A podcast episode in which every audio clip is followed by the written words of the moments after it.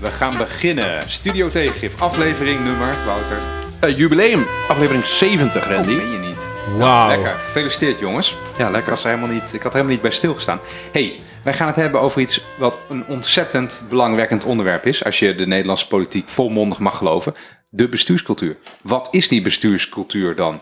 Ik vind het wel een leuk onderwerp. Ik, eh, zie, ik ben ook erg benieuwd eh, hoe jullie ernaar kijken. Hoe is het met jou, Imar? Maar het goed. Ik, ben- ik merk, ik heb, eh, dat weet je misschien de luisteraar maar niet, maar ik heb een maand geleden een kindje gekregen. Een tweede kindje. Een tweede kindje. Mijn vriendin en ik hebben nu een zoontje gekregen. We hadden een dochtertje. Eh, en nou ja, dan is het afhankelijk van, van je nacht, is het hoe je je Hoe je erbij zit. Maar je zit er nu op zich wel, wel oké bij. Ja, zie ik. zeker, zeker. Ik heb eigenlijk vannacht ook wel redelijk goed geslapen. En ik ben op zichzelf wel, wel fris, moet ik zeggen. Dus, Is, is er iets goed. veranderd in de bestuurscultuur bij jullie thuis? Nee, er is vrij weinig uh, veranderd in de bestuurscultuur. eh. zijn nog steeds dezelfde mensen het baas ook hier. Gaat allemaal op dezelfde manier. Ik begrijp dat de raad van commissarissen hier, of de raad van bestuur uit 100% uit vrouwen bestaat. dat, dat klopt. Ik ben heel blij dat ik nu zoontje heb gekregen. Dat we in ieder geval winnen bij Twee, stemming twee. over voetbal en zo. Ja, Nou ja. De stemmen staken, kan ik zeggen. Hey, eh, Gekte? gekte. Ja, wat is nou de gekte, dacht ik? Misschien toch e- even een miljardje in een stichtingje stoppen, Wouter. Stichting Open Nederland. Geen miljard, hè? Want het is eh, 925 925 miljoen. Dus afgerond is het geen miljard, maar 900 miljoen. Dat, Ik dat vond, vind ik, ik vond het een mooi contrast met de roep om een nieuwe bestuurscultuur. Waarbij nog niet iedereen hetzelfde idee heeft van wat dat precies betekent. Dat in dezelfde week dat het veel ging over wat nou die nieuwe bestuurscultuur zou zijn. Er een, eh, een mooi voorbeeld was van de huidige bestuurscultuur. Namelijk, we hebben een stichting en we stoppen er heel veel geld in. En het halve land gaat zich afvragen van, is dit hoe dat gaat en mag en werkt? Nou, ik vind het zo apart, want ik weet dan nog wel dat als je geld probeert uit te geven op een departement, dan komt de IRF, de Inspectie Rijksfinanciën, en die gaan dan ontzaglijk problematiseren. Moeilijk doen. Hè, dus ook al staat het in het regeerakkoord en moet het gewoon gebeuren, dan gaan ze zeggen: ja, maar kan je, wel, kan je dan wel bewijzen dat dit eh, gaat werken? Nou, je hebt daar gewoon gewerkt, geloof ik. Dus Ik heb daar gewerkt, ja. Dus Ja. ik zit eh, met... eh, ja, je- de, jouw samenvatting klopt eh, tot nu toe. Ja, zeker. Ja, Bij de ja. inspectie de Rijksfinanciën word je vooral naar het ministerie gestuurd met de vraag... eh, moet je echt het geld uitgeven? Ik had niet een onsje minder. Dat klopt. Ja, ja. ja, kan het niet ook gewoon niet? maar het lijkt wel een beetje alsof dat... Alsof alles wat eh, gelinkt kan worden aan uitgaven aan de coronacrisis... is de afgelopen jaar een beetje IRF-proof. Proef. die mogen daar op een of andere manier niet, eh, niet serieus naar kijken. Zo lijkt het in ieder geval. Want inderdaad, hier zou je zeggen... hier moet bijvoorbeeld aanbesteed worden bij dit soort zaken. Of... eh 925 miljoen klinkt ook zo'n getal dat je denkt, hoe kom je erop? Weet je, klinkt niet als iets zo heel precies onderbouwd of zo. Een beetje grove schatting. Ehm, ik moet eerlijk zeggen dat ik, je kan natuurlijk aanbestedingsregels kan je met eh, uitzonderingsgronden, zoals het is een crisissituatie, kan je natuurlijk wel omheen. Natuurlijk. Buiten de klassieke truc dat je je Het hoeft niet per se bedrag stichting dan, opknipt in allemaal kleine bedragen, waardoor je onder de, de drempel zit waarboven je moet aanbesteden. Hè? Maar, Maar, voordat je de- 900 miljoen in Ja, stukjes dat van kan- 30.000 dat moet je echt euro hebt opgeknipt. dat, Ja. dat klopt, dat klopt. Ja. Maar ik dacht vooral, ik kan nou niet, ik heb niet het gevoel dat nu zeg maar meer dan een jaar na de uitbraak van de coronacrisis, dat we nu ineens in zo'n crisissituatie zitten, dat er niet even aanbesteed had kunnen worden. Dat, eh, Ja, de kachel begint hier opeens geluiden te maken. Dat ja, dat klopt. heb ik nog nooit meegemaakt. Ja, klopt. Ik, ik- Nee, ik, maar vond- ik vind het moeilijk dat er. Ik ben zelf wel eens kritisch op hoe de IRF Den Haag vaak domineert. Met haar hang naar theoretische onderbouwingen van toekomstige budgettaire effecten van maatregelen. Dus alle ambtenaren worden geteisterd met. Eh, kun je uitleggen wat dit over x jaar eh, voor de Rijksbegroting betekent? En als het antwoord nee, niet volgens jullie boekje is, dan gaat het lekker niet door. Nee, nee, nee, nee. Ehm, da- daar ben ik wel kritisch op. Maar ik ben nog kritischer, denk ik, op de manier waarop het aanbestedingsrecht in dit soort gevallen als een soort eh, suggestie wordt behandeld. Ehm, en er ja, overduidelijk gezocht wordt naar een manier om dat te ontwijken door het aan een stichting te gunnen. En ja, ik denk dat als dit het effect heeft dat er eh, kritischer gekeken wordt naar allerlei soorten stichtingen, dat dat eh, nou, best een mooi effect kan hebben. Want dit is een manier waarop hele grote bedragen ongecontroleerd uitgegeven worden. En ja, zo'n stichting, daar, daar zitten gewoon minder ogen op. Of, of dat aan uh, de beste partij uh, volgens nou, een solide procedure wordt besteed. Nou, sterker nog, ik begreep dat er uh, problemen waren in de zin van er is dat er geen raad van toezicht of iets dergelijks is. Nee, of geen, nee, geen externe mensen die naar de, kijken. De eigen beloning je bepalen. mocht zelf de eigen beloning bepalen. Dus je mocht zelf bepalen hoe je het uitgaf. Dus in die zin, dit, deze 925 miljoen, dat weet je nu al. Dat volgend jaar komt een club als de Algemene Rekenkamer, die naar de uitgaven van de Nederlandse overheid kijkt. Die zegt, nou, dit is uh, niet doelmatig besteed en niet rechtmatig uitgegeven. Want de aanbestedingsregels hadden niet uh, overtreden moeten worden. Want je kan niet zeggen dat na 13 maanden, na uitbraak van de coronacrisis, dat het zo'n crisissituatie is. Dat nu ineens een 950 miljoen zo hoppa die stichting in moest. Dus nee, uh, dit is ja, maar er, is, er is sowieso iets heel raars aan de hand. En dan moeten we oppassen dat, ik niet, dat we niet iedereen nu in slaap lullen. Maar er is ja. iets heel vreemds aan de hand als het gaat om de, de overheidsfinanciën. Want echt, het is nog maar een paar jaar geleden dat, dat, uh, dat, dat uh, ambtelijk Den Haag zichzelf de hele tijd feliciteerde met hoe, hoe strak onze overheidsfinanciën gereguleerd waren en hoe goed dat in elkaar stak. En nu heb je het Wopke en Wiebes uh, fonds, waarbij dan uh, hoeveel miljard was het ook alweer? Gewoon zonder, zonder verdere integrale check op. Uh, zijn dit dan goede investeringen? Door een, door een klein commissietje van technocraten wordt uitgegeven. De Kamer mag er geloof ik nog een stempel op zetten. Uh, maar het is natuurlijk lastig opeens iets anders te doen. En nu dit soort stichtingen. Ik snap niet waarom dat niet gewoon van de begroting van het ministerie kan gebeuren. Waarom moet dat nou in een stichting? Met een eigen stichtingbestuur? Het is, het is gewoon vreemd. Ja, kijk even naar jou als oud IRF. Nee, ja, volgens mij gaat hier vooral over de vraag: heb je een club die meteen dit snel uit kan voeren? Eigenlijk laat dit zien dat hele uh, sneltesten, wat deze club uh, moet uit gaan rollen, door heel Nederland. Daar, uh, dat kan blijkbaar. De, ja, jij maakt er altijd een punt van dat de Nederlandse overheid zelf niet meer echt kan uitvoeren. Mm -hmm. En dingen voor elkaar kan krijgen. Dat is niet, daar ben ik niet overal mee eens. Maar in dit geval laat zien dat dus de Nederlandse overheid zegt.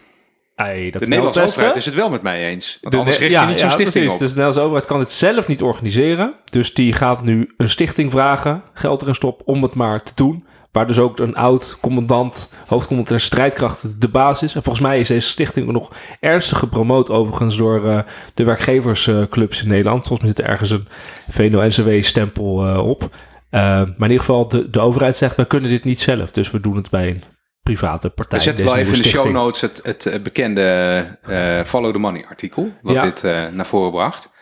Goed. Maar en dat was helemaal interessant was natuurlijk, sorry, was dat Follow the Money publiceerde dat artikel. Het werd een rel.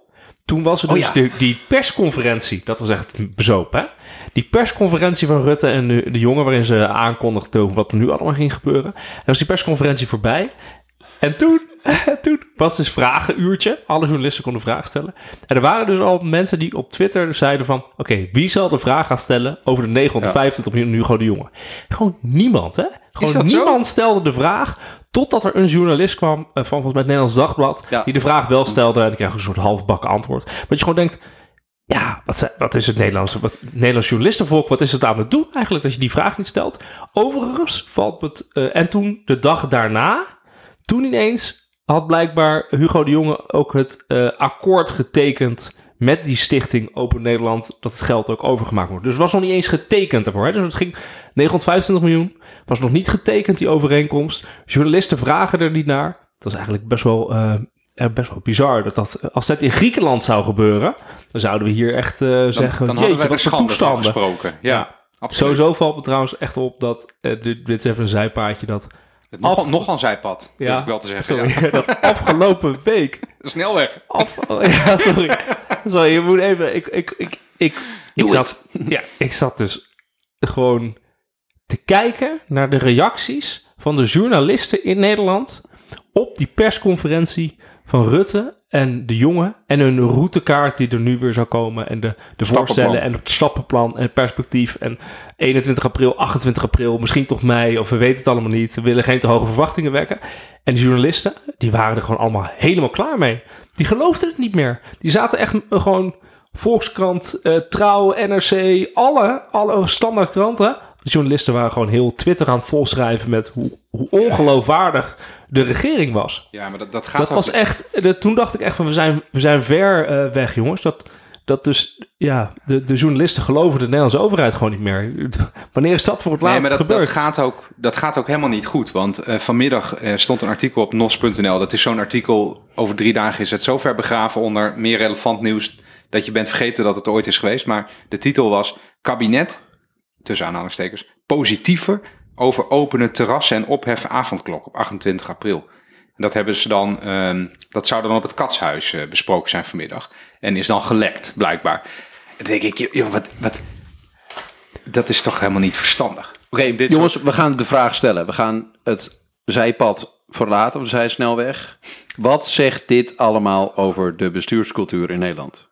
Daar gaan over de, de oude of over de nieuwe? Nou ja, de, de huidige. Eh, waarom, waarom, heb, moeten we het hebben over die bestuurscultuur? Ja, Randy. Ja, Nou, dit, dit, dit was weer een brug die hier eh sloot eh, werd, eh, werd gegooid. Eerst de snelweg, dan een brug. Ja. Ja, weet je, wij- waarom hebben we het hierover? Omdat iedereen het hierover heeft. Dat, dat, komt, dat komt niet heel tegengifachtig over, want dat komt meer over als een reguliere, eh, hoe zeg je dat, eh, opiniemakerij.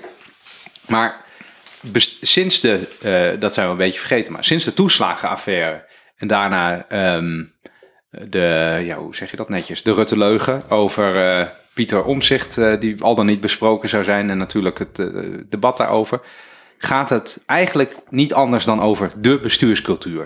En dat is natuurlijk een, dat zei je ook al in de voorbespreking weer, maar een ongelooflijk containerbegrip waar je eigenlijk alles wa- wa- wat je dwars zit eh, onder zou kunnen vatten. Ja, en dat zie je ook gebeuren. Dus ik dacht, nou, is het dan niet aardig dat eens eventjes een uurtje gaan praten over, ja, wat is dat dan? En waarom hebben we het hier over? En waar moet het dan heen? Dus die, die drie dingen eigenlijk. Ja, volgens mij heeft het een, een begin op, op twee vlakken. Op een eh, politiek vlak en op een ambtelijk vlak. In een politieke vlak zag je al in de verkiezingscampagne campagne dat eh, vooral bij D66 het idee van nieuw leiderschap, dat dat, eh, dat, dat goed aansloeg. Dat, dat, aan. dat mensen in de, de, dachten van ja, die- mevrouw Kagen, D66 heeft het over nieuw leiderschap. Daar zit wat achter. En met dat soort politieke slogans is het heel vaak zo dat ze hoeven niet per direct in te vullen wat mensen denken. Maar er zit vaak een soort haakje aan waarbij veel mensen kunnen voelen van... oh ja, dit is iets waar we wel wat mee willen. Zeker na al die affaires die we gehad hebben, ehm, willen we naar nieuw leiderschap. Ehm, het andere haakje is, is dat er ehm, allerlei ingewikkelde commissies en, en ambtenarenrapporten de afgelopen jaren zijn verschenen over wat er allemaal mis is in de, eigenlijk de, de overheid van Nederland in den brede. Dus je hebt meerdere rapporten gehad over de, de, de relatie tussen beleid en uitvoering. Bijvoorbeeld werk aan uitvoering. Je hebt een aantal eh, rapporten gehad over schandalen die, die diepere lagen hebben. Dus bijvoorbeeld in de, de toeslagenaffaire, in allerlei schuldenproblematieken. Ehm, dus er zit een soort van meer genuanceerde laag achter, waar eh, er, er, ja, er zorgen zijn over de manier waarop ons land bestuurd wordt en de mensen die dat doen, hoe die dat dan precies met elkaar doen. Ja, dus even En er voor- zit een appeal aan het grote publiek achter, want dat, die, die, die voelen dat. Dat zit er denk ik eh, Ja, maar- onder. Eerste vraag, wat is het dus? Wa- Wat Ja, volgens mij dus heel belangrijk is, is dat bestuurscultuur gaat dus over, eh, gewoon over de politiek, hè? dus over de bestuurders. Dus over de politieke bestuurders van Nederland, of het politieke bestuur, hoe dat in elkaar zit. Dus hoe gaan de politici met elkaar om? Dat is misschien wel even belangrijk om te, te veronderstellen. Dat, dat is natuurlijk de, waar dan Rutte nu een soort eh verpersoonlijking van is, van een bepaalde bestuurscultuur. En blijkbaar de Sigrid Kaag van een andere. En dat heeft dus ook te maken met volgens leiderschap en wel of niet een leugentje. En wat is interessant als je kijkt naar eh, wat is dan de nieuwe bestuurscultuur en je gaat een beetje de kranten door, dan wordt er gezegd dat de nieuwe bestuurscultuur zou moeten zijn openheid, integriteit, eerlijk zijn, dualisme, inhoud voor beeldvorming, ehm, dat soort termen. Ja, maar dan Dus zie je toch de- nu al dat, dat iedereen zijn stokpaardjes gewoon in dit, in dit kruiwagentje aan het gooien is. Ja, precies. precies. Dat Ja, lekker begrip, hè? Dat, dat is, de politieke begrippen die het goed doen, zijn vaak containerbegrippen waar iedereen zich in kan herkennen. Weet ik veel, de, de silent majority, eh, het, het nieuwe midden. Eh, dat, zijn Ja. dingen die. En dat is wij- je nieuwe ziet het bestuurscultuur ook. ook. Je ziet het dus ook dat eh, wat nieuwe bestuurscultuur kan je dus ook koppelen aan politiek leiderschap.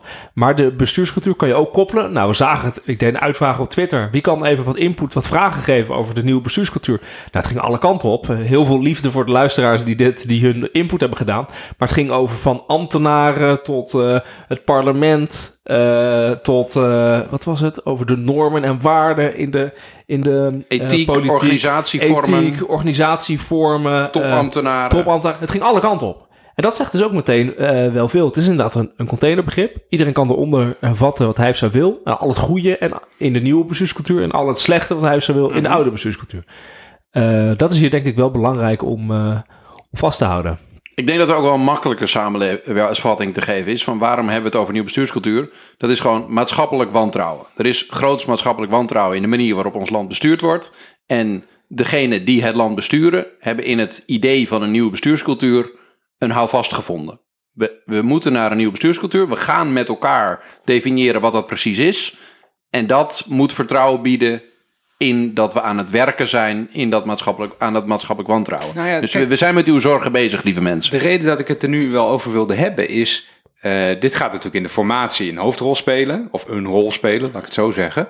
Ehm, dus men gaat proberen daar wat over op te schrijven. Wat, wat hopelijk een beetje ook concreet wordt. En zinnig, als zinnig wordt gezien.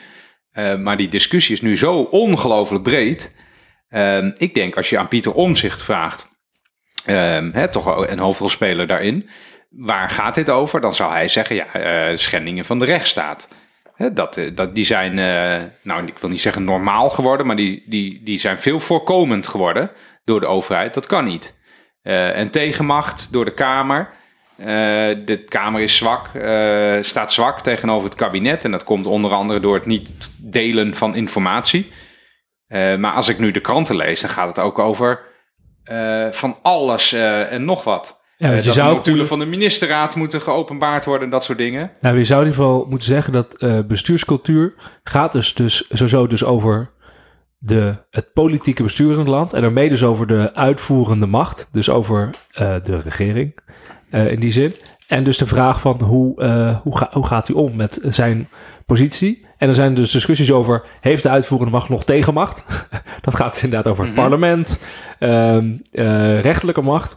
En ook, over, en ook eh, dus inderdaad van, is er dualisme? Dus is er nog echt oppositie tegen de, Ja, tegen de regering? Of zijn eigenlijk gewoon de, is het de één eh, groep eh, mensen? Vooral de, natuurlijk de, de, de regering en de coalitiepartijen. Of die eigenlijk gewoon één Ja, bak ja. mensen is. Ja. En dat gaat natuurlijk over die uitvoerende macht. Is die transparant? Hè, dus of, of houdt die dingen geheim? Dat was natuurlijk nu met de, het omzichtbriefje was natuurlijk een, een heel duidelijk voorbeeld. Dat, dat sloeg even aan van hé, hey, ze is, de- is de uitvoerende macht wel eerlijk bezig? Eigenlijk is dat een jammerlijk incident in de, op meerdere manieren uiteraard. Maar ook omdat het eh, heel plat werd erdoor. Want het was opeens één briefje. Eh, terwijl die toeslagenaffaire, die Ja. natuurlijk veel groter en langduriger was... Die liet, die liet in feite zien dat er, dat er informatie vanuit eh, de departementen niet eh, de Kamer bereikt. En sterker nog, zelfs niet eens de bewindspersonen eh, tijdig bereikte. Ik vond het eigenlijk een teken van de huidige bestuurscultuur.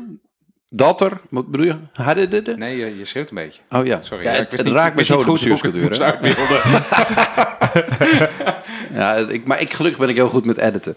Ehm, nee, dat, dat de, het een teken van de huidige bestuurscultuur is dat er over dat evenement, dat evenement van dat briefje dat zichtbaar was, dat we het daar drie weken over hebben gehad en dat iedereen rep en roer was. En dat daar de minister-president en het kabinet, als ze niet al gevallen waren, nog wel eens misschien wel gevallen waren. Ehm, terwijl dat een evenement was en het ging over poppetjes. Terwijl de, de grote lijnen en, en de, de, de, de aanval op onze rechtsstaat, die, die in de toeslagenaffaire naar boven is gekomen. Dus echt de, echt de kwetsbaarheid van de, de rechten van, van kwetsbare mensen in onze samenleving. Gewoon van mensen. eh, dat, dat er gewoon mensen de, de ellende in geholpen zijn. Dat, dat raakte niet echt de, eh, de, de, de machtigen van ons land.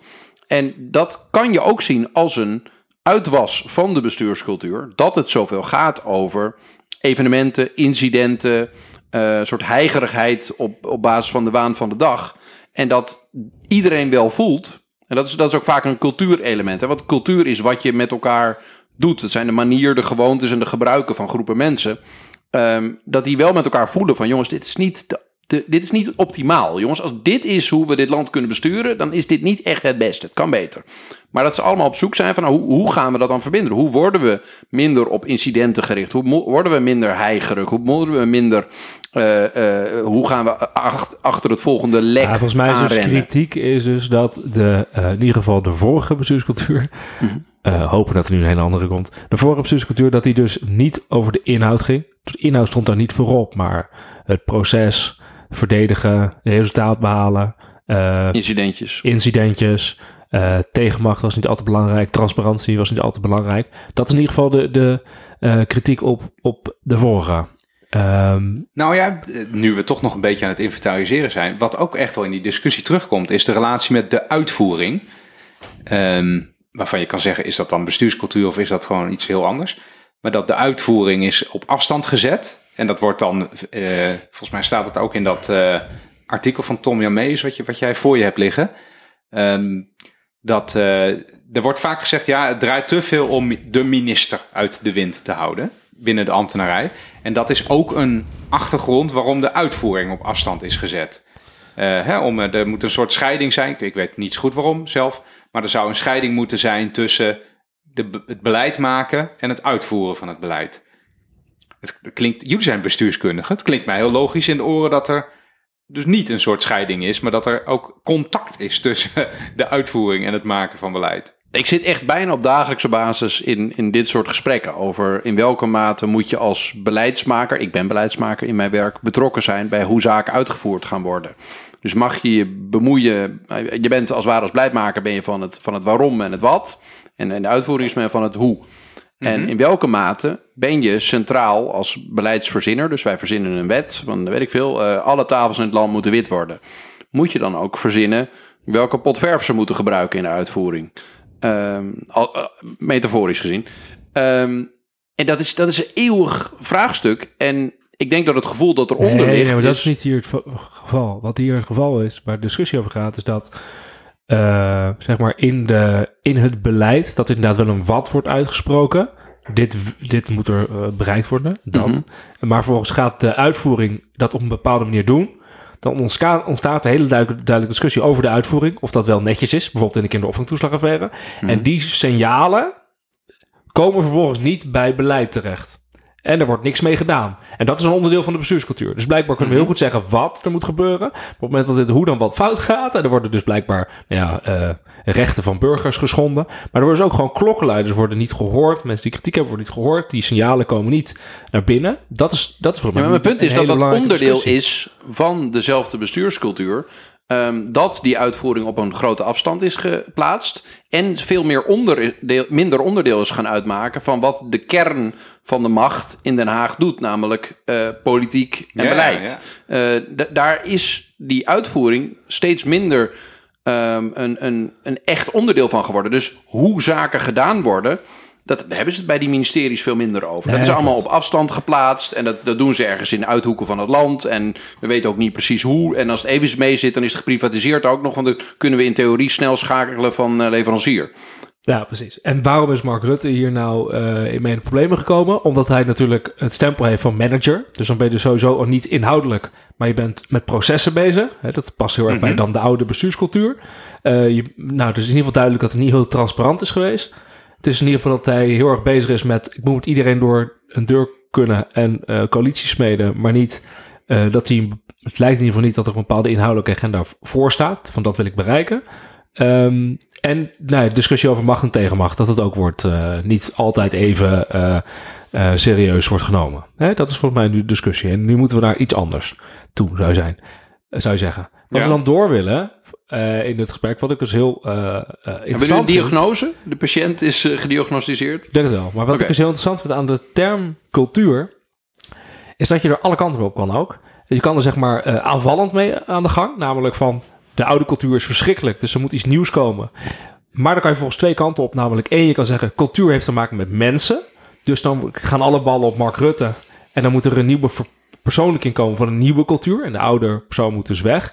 Oh, dat zie je ook in, onze, in de, in de Twitter-input die we hebben gehad. En dat mensen zeggen, heeft dan te maken met personen en met normen en waarden met elkaar om moet gaan. Of heeft ook te maken met harde eh, instituties en nieuwe wetten.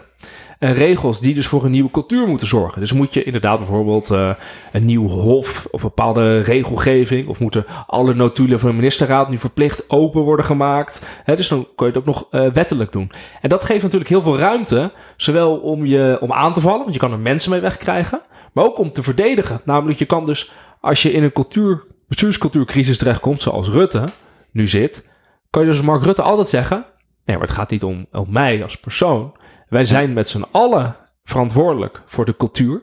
En het allerbelangrijkste wat we moeten doen is niet, ja, we kunnen natuurlijk soft we met elkaar praten hoe we het anders moeten doen, maar we moeten ook regels gaan opstellen waardoor de cultuur anders wordt. En dat zie je dus nu ook gebeuren. Hè? Dat vind ik heel fascinerend. Dat de, zeg maar, de, de, de, de, de, de, het Ruttekamp gaat nu richting, ja, de, alles moet transparant, we moeten uh, regels, uh, procedures, uh, dat soort zaken. En iedereen die zeg maar, niet in het Ruttekamp zit, die zegt het heeft te maken met Rutte.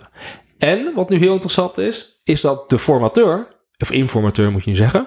Herman Cenk Willink. We hadden trouwens goed, hè? Moet even nog, nog zeggen dat het vorige keer had, stond op het lijstje. Herman Cenk Willink als potentiële ja, Als je voorspellingen zo vaak uitkomen, dan ga je het normaal vinden. Nou ja, we hebben ook wel twintig mensen genoemd. Ja, precies.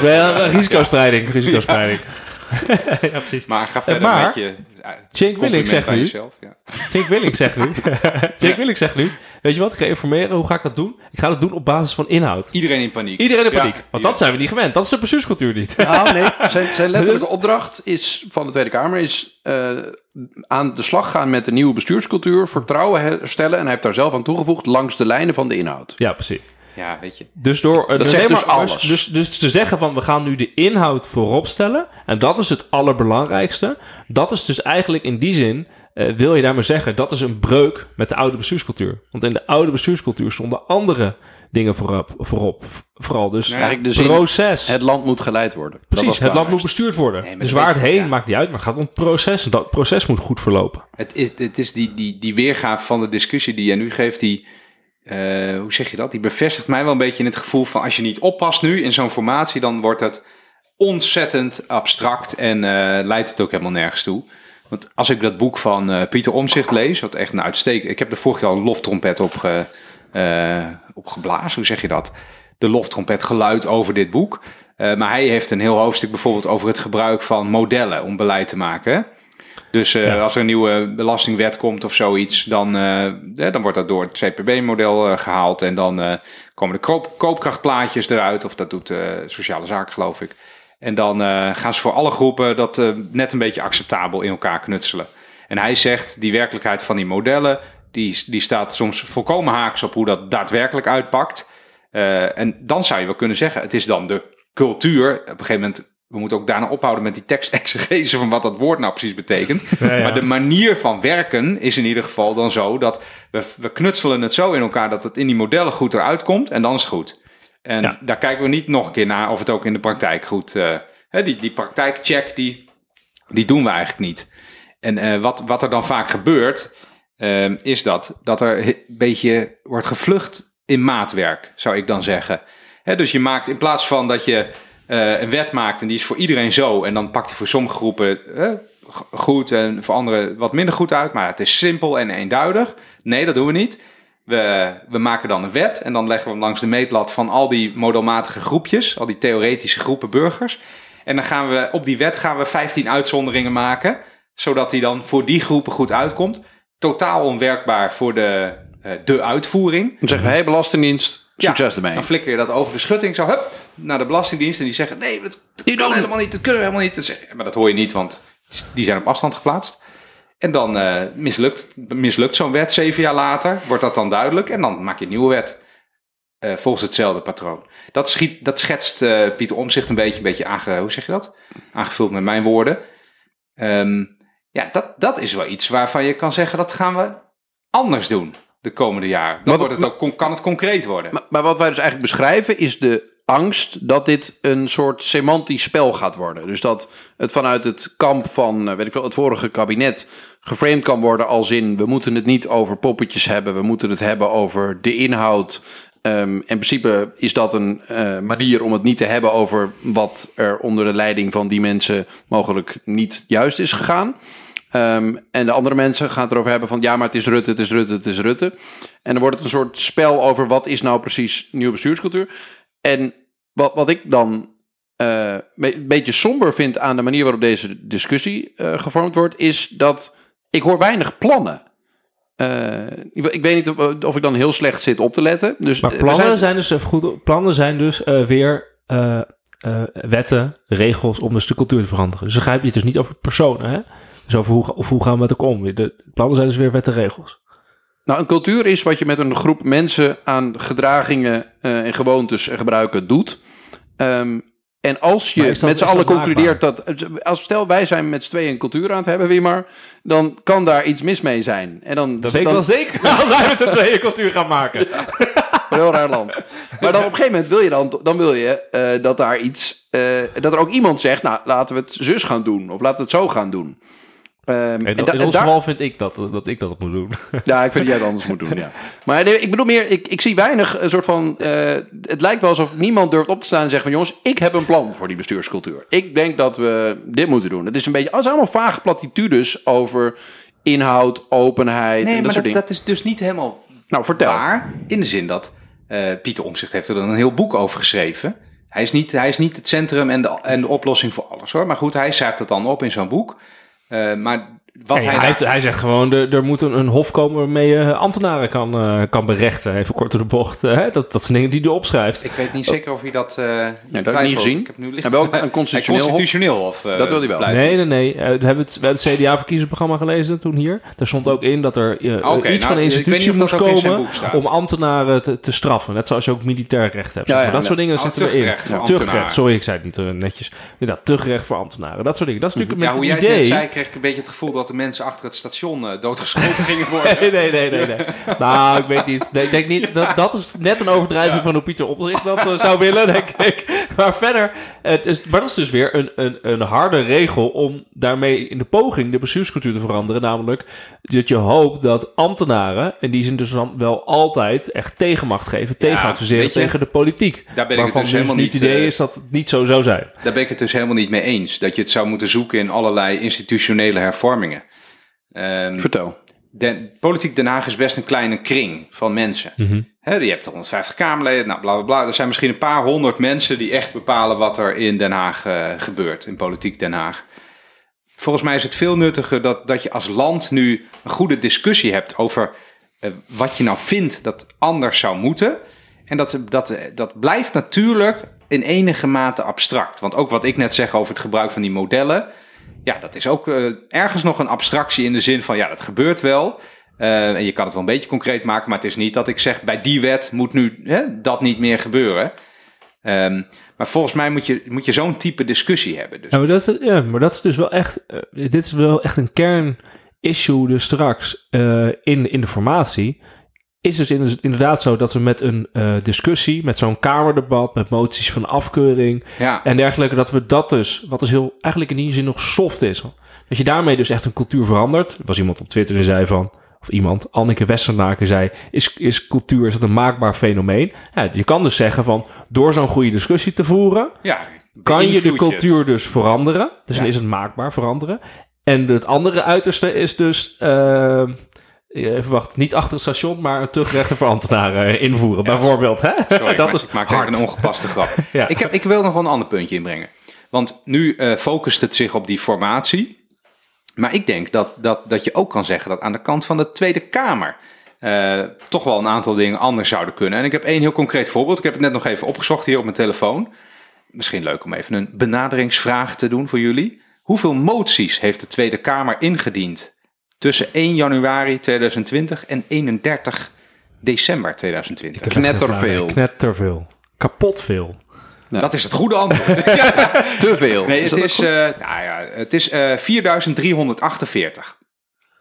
En dat is dus, eh, ik, heb, ik had dat laatste ik een stukje schrijven. Dus 15 per dag. Ik had het, eh, als je drie, door Behalve, behalve dat de 365 Kamer deelt, dicht dan- is, hè, vier dagen per week. Dus ja, nou, maak er maar per 30 per dag van dan.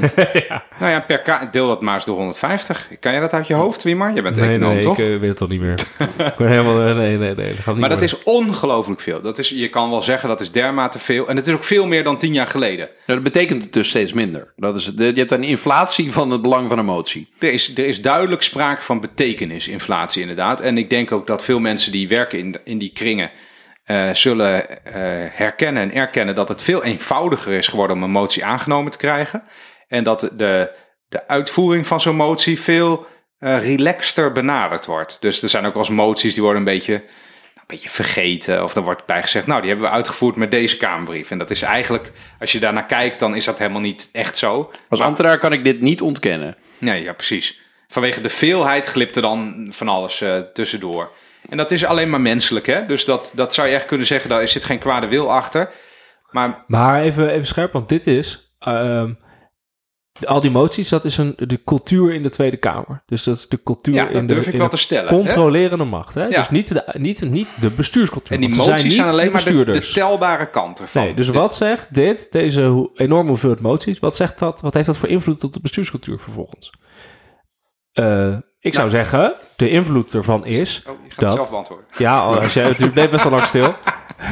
Eh, ik zou zeggen van, nou ja, blijkbaar is de Tweede Kamer vooral bezig met eh, zichzelf zichtbaar maken, moties, eh, signalen in de media komen, Ja. incidenten, kleine dingen, en dus niet met structureel beleid. Dat, dat is niet, staat niet, dan lijkt dat niet bovenaan. staan. Nou, Misschien dat, dat, te maken een voorbeeld wat Ed Groot vaak maakt. Col heeft een column in, de, in het FD, is ook Kamerlid geweest.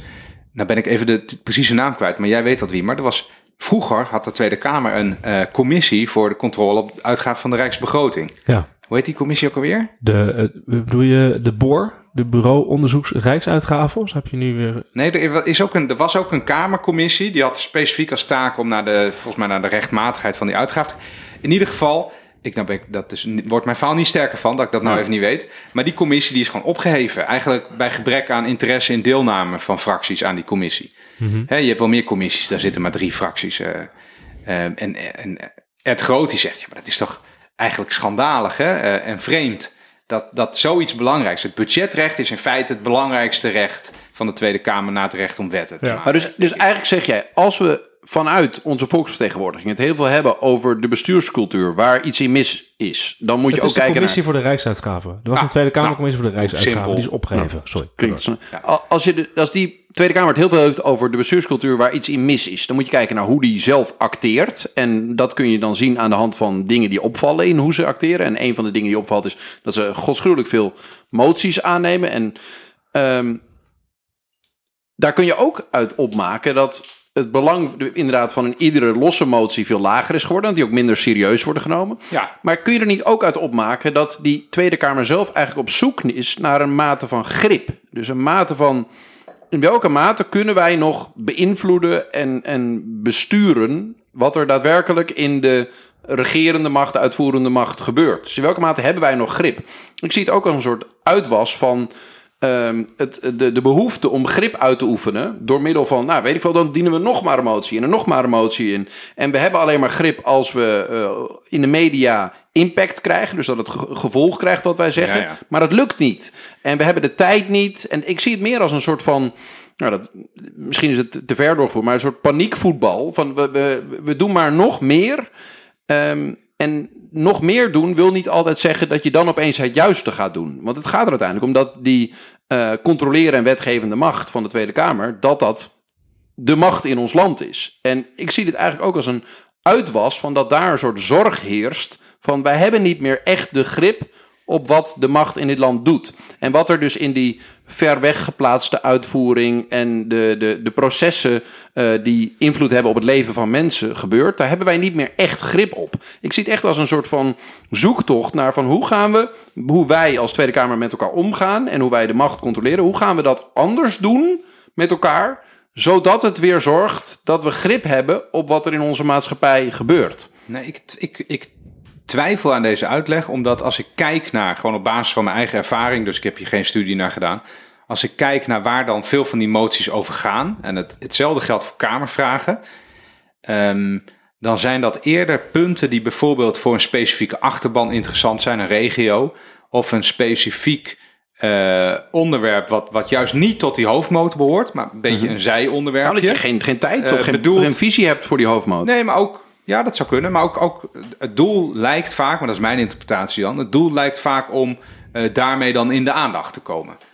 Eh, want anders word je niet gezien als Kamerlid. Iets voor een achterban doen. Ja, Maar misschien ook wel inderdaad een teken van eh, toch eh, met mannenmacht proberen als controlerende macht eh, Relevant te de, de, relevant te zijn en die uitvoerende macht een beetje bij te sturen.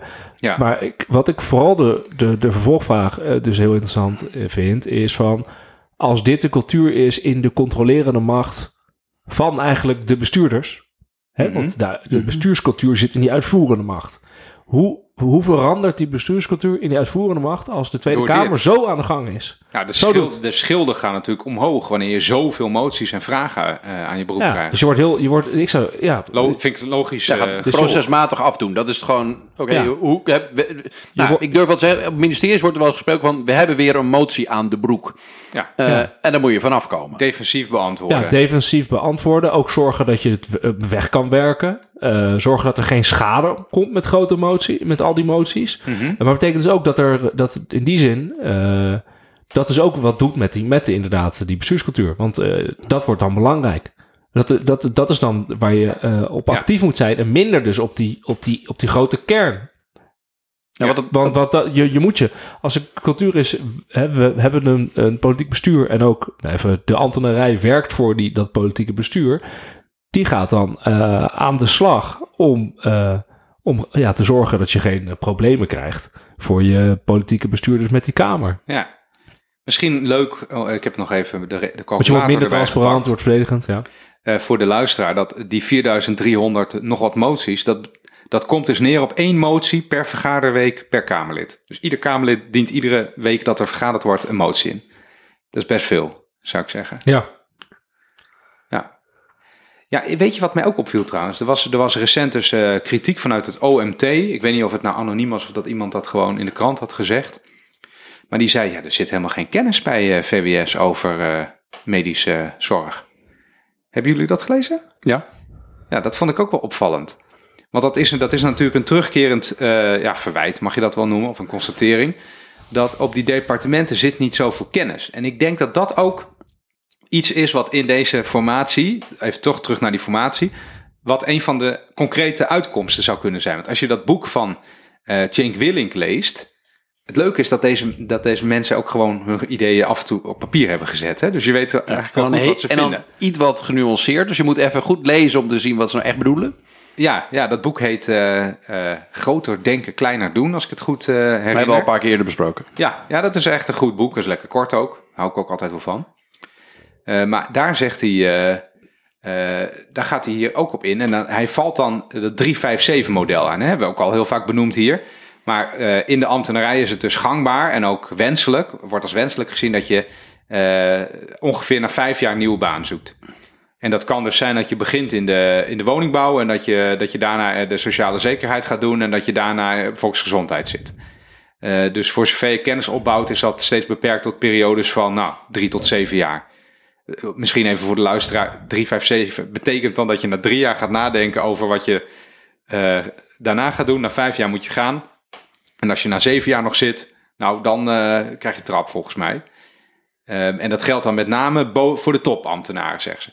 Maar dat, dat, ik lees nu veel over die topambtenaren, maar dat geldt net zo goed daaronder. Dus voor mensen die nog carrièreperspectief hebben, geldt dit, eh, dit, eh, dit, dit rekenkundige regeltje ook. En daar bouw je natuurlijk weinig kennis op. En Jake Willing valt ook nog in dat boek aan dat, dat de, ja, hoe noemt hij dat nou? De denkdirecties zijn veel al eh, wegbezuinigd.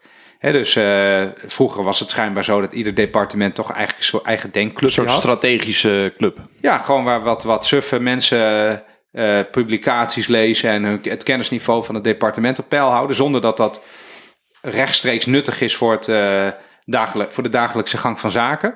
Dus wat vrij zwevender op de lange termijn gericht. En dat, dat is er veelal niet meer.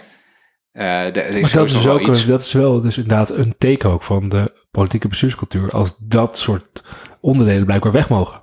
Daar is geen interesse in, Blijkbaar, blijkbaar. is dat dus niet, Ja, de, niet het belangrijkste. Het belangrijkste is blijkbaar dan iets anders. Ik, het, overigens is eh, Ronald Dekker, die zei dat mooi als, eh, als eh, verzoek.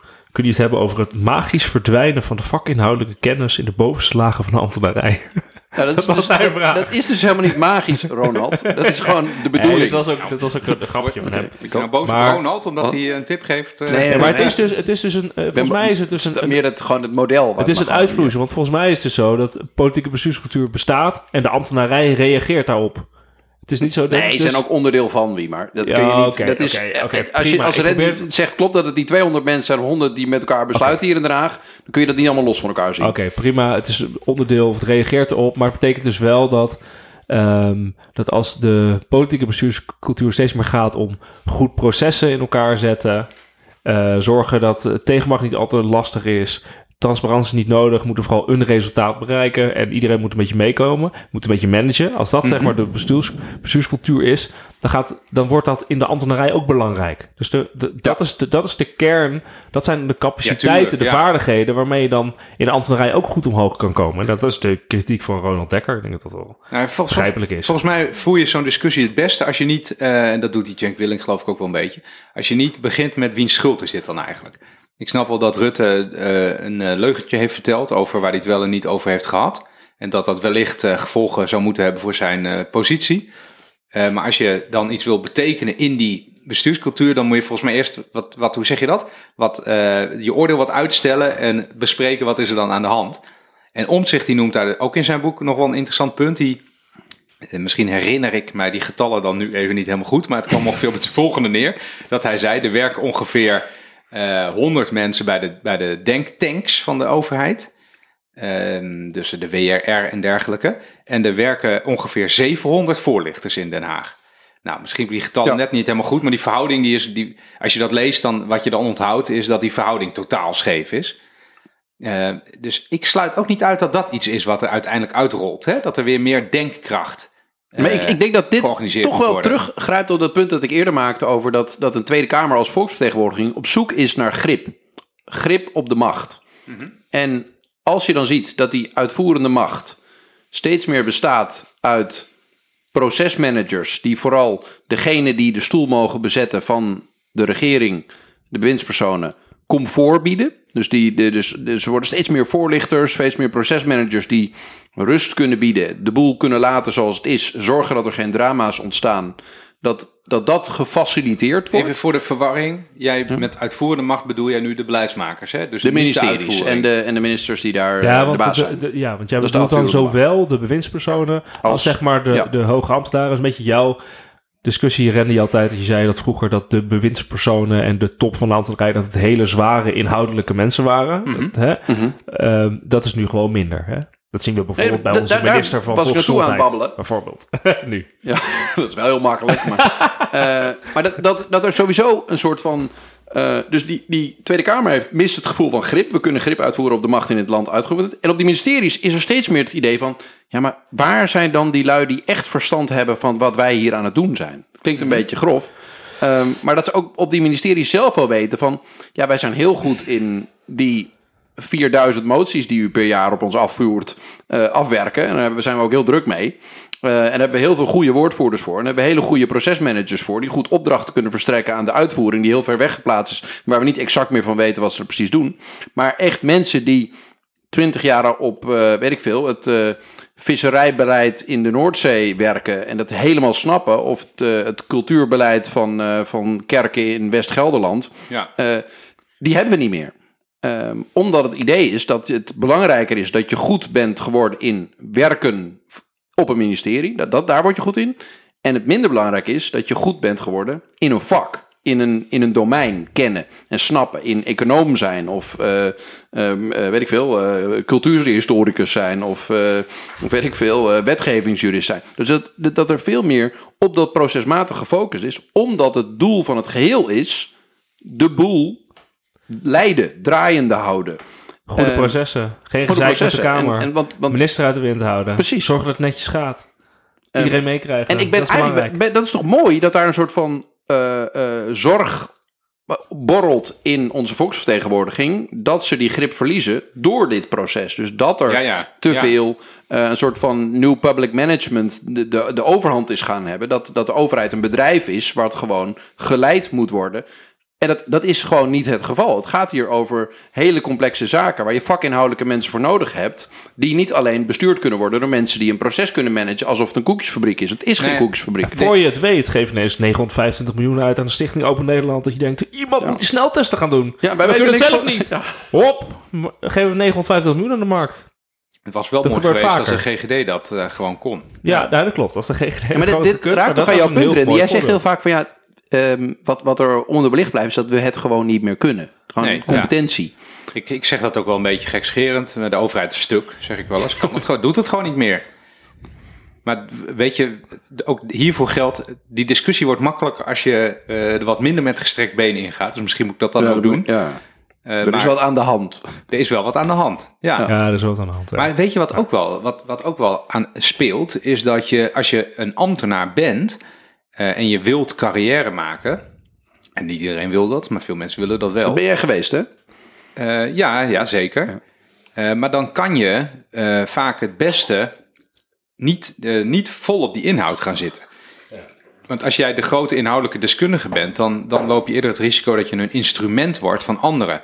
Klopt. Eh, sterker nog, ik heb daar wel eens gezegd van, eh, zoals het gaat hoor, dus het is niet een heel, eh, hoe zeg je dat, gewichtig eh, gebeurtenis. Maar dan zei je van, oh ja, maar ik wil komend jaar ook echt proberen inhoudelijk deskundig te worden op dit onderwerp. En toen, toen werd tegen mij gezegd, ja maar Randy, de inhoud is vervangbaar. Ja. En dan wordt bedoeld van, je kan beter goed worden in die, in die processen van nota schrijven, kamervragen defensief beantwoorden, hè, bij debatten defensieve teksten op een briefje schrijven, die voorgelezen kunnen worden, dan dat je er alles vanaf weet. Want, en dat, en ik, ik, eh, dat is ook het gevoel wat ik eraan over heb gehouden, van niet aan het moment specifiek, maar gewoon hè, aan, aan de hele ambtenarij van... Ja, als je, als je de inhoudelijk de expert bent op een dossier, dan, dan word je ergens in een hokje gezet. En dan zeggen ze, nou, fijn dat we die hebben. Eh, Het is een beetje mallard. Ja, ja, Ja, dat is een beetje... Nou, ja, ja. dat, en dat- die houden we gewoon in dit schaaltje. En dat komt mooi van pas. En dan... dan Ja, maar het is ook dat, dat eh, voor goede processen is mensen die heel veel van inhoud weten en een andere mening hebben, lastig. heel lastig. Ja. Daarvoor is het nu zo ook, eh, zie je ook in deze hele discussie over de bestuurscultuur en vooral het goed zijn in processen, dat bijvoorbeeld klokkenluiders en uitvoeringsorganisaties, mensen die aan de bel trekken op een ministerie, het gaat niet goed. Denk aan de, eh, de, de juridische nota aan mevrouw bij die kinderopvangtoeslagaffaire op financiën. ja, dat was niet echt een klokluider. Hè? Dat Nou, was gewoon iemand die een notitie had Ja, precies. Maar die, de, daar- die mensen worden dan op zo'n ministerie toch als lastig gezien. Ja, Dat is ja. allemaal handig, want dat, dat verstoort je proces. Hè? Dus zeg maar, terwijl het idee ja, is, dat klopt. tegendenkende mensen en ook de tegenmacht in het algemeen, een sterke Tweede Kamer of een sterke journalisten die anders denken, die dus niet kapot bombardeert met al je woordvoerders om ze goed te masseren, hè, maar gewoon tegenmacht. Dat zou ervoor hè? moeten zorgen. ja. dat, dat zou er, het idee zou juist moeten zijn dat je van tegenmacht en tegendenken en inhoud op je ministerie, dat je dan juist inhoudelijk beter wordt. Hè, dat je betere dienstverlening aan je burger gaat eh, leveren. En dat dus op de lange termijn is het procesdenken gaat gewoon ten koste van je kwaliteit. Ja, ik moet altijd denken aan het, eh, de managementfilosofie die ze bij Apple hanteren. Dat is een beetje een zijpaadje. Daar, daar hanteren ze de filosofie dat het makkelijker is om experts te leren managen dan om managers te leren expert te zijn op een vakgebied. En dat is dus het, in mijn ogen het compleet omgekeerde van wat we vaak bij de overheid doen. Daar is het idee dat het makkelijker is om managers expert te laten spelen voor een bepaalde periode dan om experts te leren managen. Ja, ik denk dat dat, dat zeker dat dat gewoon klopt, ja. Ik heb Ja, nog wel één... eh, ja, ga, ga gang. Ah, dank je, wat, wat hoffelijk van je. Ik heb wel nog één ander punt waarvan ik zou zeggen, hé, daar kan je het over hebben als je het over bestuurscultuur hebt. Ehm, namelijk eh, even over decentralisaties en centralisaties. Want ik denk als je nou terugkijkt over de afgelopen tien jaar bijvoorbeeld, is heel veel gedecentraliseerd. Alleen wat gecentraliseerd is gebleven zijn vaak eh, het geld en de, eh, de macht, dus wie bepaalt. Ehm, maar wat dan gedecentraliseerd is naar gemeenten meestal, zijn de verantwoordelijkheden. Ehm, en daarvan zou ik zeggen dat daar zit een patroon in. Hè? Want er zijn een aantal decentralisaties geweest op het sociaal domein, eh, de, de, de ruimtelijke ordening, de woningprogrammering, eh, de jeugdzorg. Ik vergeet nog iets. De arbeidsmarkt, de onderkant van de arbeidsmarkt. Is allemaal gedecentraliseerd, de WMO. Eh, maar heel veel dingen, heel veel, hoe zeg je dat? Heel veel beleid wordt nog landelijk bepaald. Hè? Of de Kamer houdt zich het recht voor om zich daarin te mengen. En de minister ook. En de geldstromen, eh, het, het patroon is, Dat is naar gemeente gebracht, die verantwoordelijkheid, maar met te weinig geld. Dus steeds met een taakstelling. Dat betekent gewoon een bezuiniging. En, daar, en dat zie je dat dat steeds drama's oplevert. Hè? De jeugdzorg uh, is, is, dramatisch uh, uh, mislukt, zeggen veel mensen. Woningmarkt. Ja, veel van, die, veel van die decentralisaties worden eigenlijk als niet succesvol beschouwd. Met uitzondering op de WMO wellicht. omdat het ook de eerste was. Toen hadden gemeentes nog financiële buffers. Misschien, hè? Misschien kan je dat zeggen. Ja, daarvan, zou, daarvan zou je kunnen zeggen, hey, dat kan je nou opschrijven in een regeerakkoord. Van dat moeten we eens onder de loep nemen. Of we nou wel verantwoordelijkheden en uh, mogelijkheden, financieel dan ook vaak vooral en regelgevend, of we die nou wel samen hebben overgezet. Of dat we steeds alleen de verantwoordelijkheid aan de ander hebben gegeven. Want dat is natuurlijk wel comfortabel dat ik tegen jou zeg, wie, maar oké, jij bent nu verantwoordelijk voor het, het, het, vegen van deze straat. Alleen ik ga over de bezems. Um, dan wordt het lastig. Maar dit, dit, raakt weer aan, volgens mij, wat, wat ik eerder zei, dat punt van die grip. Dat ook in de Tweede Kamer dus langzaam het idee opkomt van Verhip, wij worden er maatschappelijk gezien wel op aangesproken. Het maatschappelijk onbehagen over dingen die niet goed lopen, die gedecentraliseerd zijn, dat richt zich wel op de Tweede Kamer. Mensen verwachten dat de Tweede Kamer hen vertegenwoordigt en dat ze daar tegen optreden. En dan is vaak het antwoord de afgelopen jaren procesmatig geweest van nee, ja, sorry, de gemeenten gaan erover. En dat, dat krijg je bij mensen niet uitgelegd. Van, nee. Ehm, u heeft wel een volksvertegenwoordiging die erover praat, die er moties over indient tot en met. Maar die krijgen een complex bestuurskundig antwoord dat het op een andere bestuurslaag uh, belegd is. Um, en dat ja, alleen een goed voorbeeld de is budgettaire middelen er nog zijn centraal. Goed voorbeeld nu is natuurlijk uh, de hele discussie over de vaccinatie. Uh, ja. Dat er wordt gezegd, ja, uh, sorry, uh, we zijn afhankelijk natuurlijk wel ook van de GGD's en van de, van de huisartsen. En ja, daar zijn we ook afhankelijk van. Hè? Dus dat lijkt het net alsof de minister van VWS er niet echt over gaat.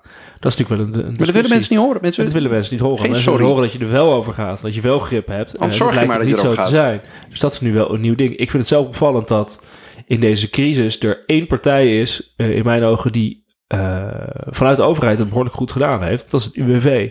Met alle steunpakketten. Uh, en toch wel een redelijke snelheid Oh, uh, waarmee dat ik, naar... ik ben een beetje bang dat dat nog wel komt. eh, nou, de- misschien komt er komt er uiteindelijk zal een hele discussie komen over terug. uh, Ik las al iets over, over massale fraude. Dat, dat Ja, ja, ja, criminele nee. partijen Met in naam van bedrijven miljoenen euro steunpakketten hebben aangevraagd. Dat, dat zal er zeker bij zitten. Maar uh, het is wel een van de. Uh, dat ging wel redelijk snel. En het UWV is natuurlijk wel wel, gewoon ja. een grote organisatie die uiteindelijk. Nee, het is een ZBO, het valt onder uh, SZW. Maar de, de uh, Koolmees kon er wel redelijk snel mee schakelen en uitvoeren. Ik dat- ga het dat UWV ook dit minder compliment goed ook niet bij, afpakken. eh, Nee, VWS het geld is wel overgemaakt. Het geld is wel overgemaakt. Hey, ik eh, heb even een opmerking van een andere soort. De avondklok. We moeten afronden. Oh ja, Oh ja, jij moet er vandoor. Ja, ik moet, eh, ik moet anders word ik in de boeien geslagen. Hey, eh, misschien een tikkeltje abrupter dan de luisteraar van ons gewend is. Maar ja, de, het is ook duidelijk waarom. we zijn Ja. toch brave jongens die zich houden aan... eh, Ik hoop dat. We, zijn wel ongeveer. eh, Ik heb een lijstje met alle input op Twitter. We zijn er ongeveer langs geweest, denk ik. Ja? Ik denk dat iedereen wel zijn, zijn puntjes heeft eh, gehoord. Nou, Eh, sorry dat jullie niet bij naam hebben gehoord, maar eh, Nee, maar we, echt we, alle we lezen alles. En eh, heel erg proberen bedankt. We, eh, ja, die proberen we te verwerken. ja, nou ja, dat doen we ook altijd wel. Ik, eh, ik vond het een goede discussie. Heb je een beetje vertrouwen in de verandering van onze bestuurscultuur? Om, misschien als afsluiting. Nou, Nederland staat wel aan het begin van deze discussie en die moet echt even goed gevoerd worden. En niet, het gevaar is dat je nu een paar cosmetische dingen in een, in een eh, regeerakkoord gaat opschrijven. Eh, misschien moet je ook niet alles willen achter, afhechten in één regeerakkoord, maar moet je een helder, eh, iets hel ja, het woord proces durf ik niet meer in de mond te nemen nu.